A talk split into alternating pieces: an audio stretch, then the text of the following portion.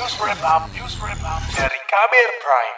Saudara pemerintah mendorong masyarakat segera melakukan vaksinasi COVID-19 baik dosis lengkap maupun booster seiring adanya peningkatan kasus positif usai libur lebaran 2023. Kementerian Kesehatan juga telah mengeluarkan aturan tentang penambahan regimen vaksin Indovac sebagai booster untuk penerima vaksin primer Pfizer ini akan memperluas cakupan penerima vaksin Indovac sebagai vaksin penguat. Lalu bagaimana capaian produksi vaksin dalam negeri dan penggunaannya sebagai booster bagi masyarakat? Kita simak laporan khas KBR yang disusun Astri Yuwanasari. Vaksin Indovac yang merupakan vaksin COVID-19 produksi Bio Farma akhirnya berhasil mendapatkan izin penggunaan darurat dari Badan Pengawas Obat dan Makanan BPOM sebagai vaksin penguat atau booster bagi usia 18 tahun ke atas yang sebelumnya telah menerima vaksin primer Pfizer. Hal ini disampaikan oleh juru bicara Kementerian Kesehatan Muhammad Syahril dalam rilis tertulis. Syahril menyebut vaksin booster kedua Indovac dapat diberikan dengan interval 6 bulan sejak vaksin booster pertama COVID-19. Vaksin booster kedua bisa diberikan dosis penuh atau 0,5 ml. Vaksin lengkap dan booster kedua bisa didapatkan masyarakat di fasilitas pelayanan kesehatan maupun pos pelayanan vaksinasi terdekat. Dengan didapatkannya izin penggunaan darurat dari BPOM ini, berarti memperluas penggunaan vaksin Indovac sebagai booster untuk usia 18 tahun ke atas. Sebelumnya Bio Farma telah mendapatkan izin penggunaan darurat vaksin Indovac sebagai booster bagi masyarakat usia 18 tahun ke atas yang telah menerima vaksin primer dari Sinovac dan AstraZeneca. Hal itu membuktikan bahwa vaksin Indovac, hasil karya anak bangsa memiliki kualitas yang sejajar dengan produk global.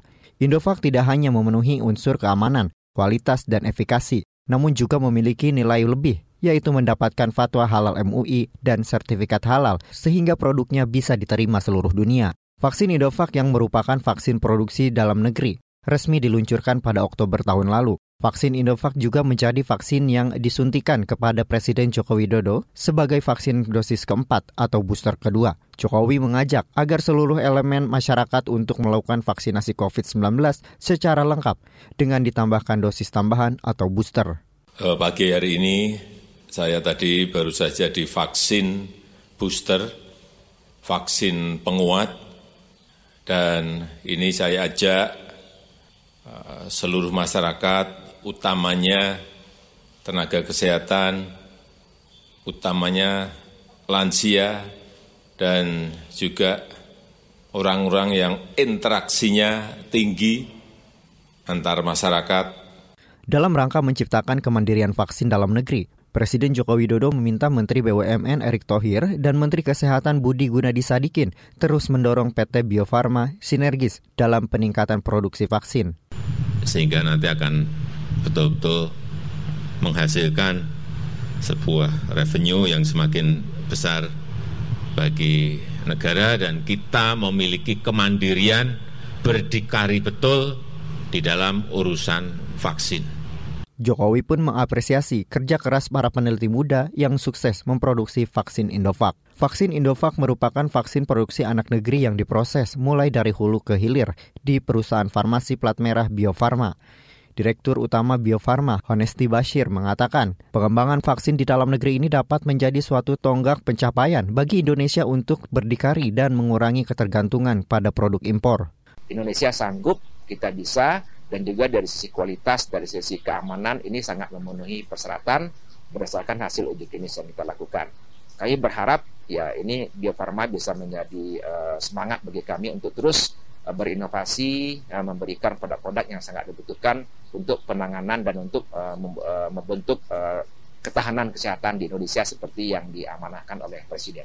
Menteri BUMN Erick Thohir menyebut bahwa pengembangan vaksin COVID-19 produksi dalam negeri merupakan langkah awal dari upaya untuk mendukung ketahanan kesehatan di Indonesia. Erick mengatakan, ke depan pihaknya akan terus mendorong kerjasama dalam pengembangan vaksin lainnya ini baru langkah awal. Kami terus mendorong kerjasama-kerjasama serupa seperti kemarin yang ditandatangani juga di Inggris dengan Profektor. Jadi mirip seperti tentu yang kita lakukan hari ini, kita kerjasama R&D-nya, tapi tentu lisensinya, mereknya punya kita dan memproduksi di kita. Erik menambahkan, Kementerian BUMN beserta Menteri Kesehatan turut menyiapkan langkah-langkah untuk mengantisipasi pandemi atau penyakit yang mungkin terjadi ke depan. Kata Erik, Kementerian BUMN tengah mendorong konsolidasi ekosistem kesehatan mulai dari riset dan pengembangan atau R&D produksi atau manufacturing, hingga distribusi dan retail yang didukung oleh kemajuan teknologi. Sejauh ini, capaian vaksin booster COVID-19 di Indonesia masih rendah berdasarkan data dari Kementerian Kesehatan. Capaian vaksinasi booster pertama baru sebesar 37,8 persen, sementara total vaksinasi booster kedua hanya sebesar 1,7 persen dari total target vaksinasi. Demikian laporan khas KBR yang disusun Astri Yuwanasari. Saya Heru Haitami.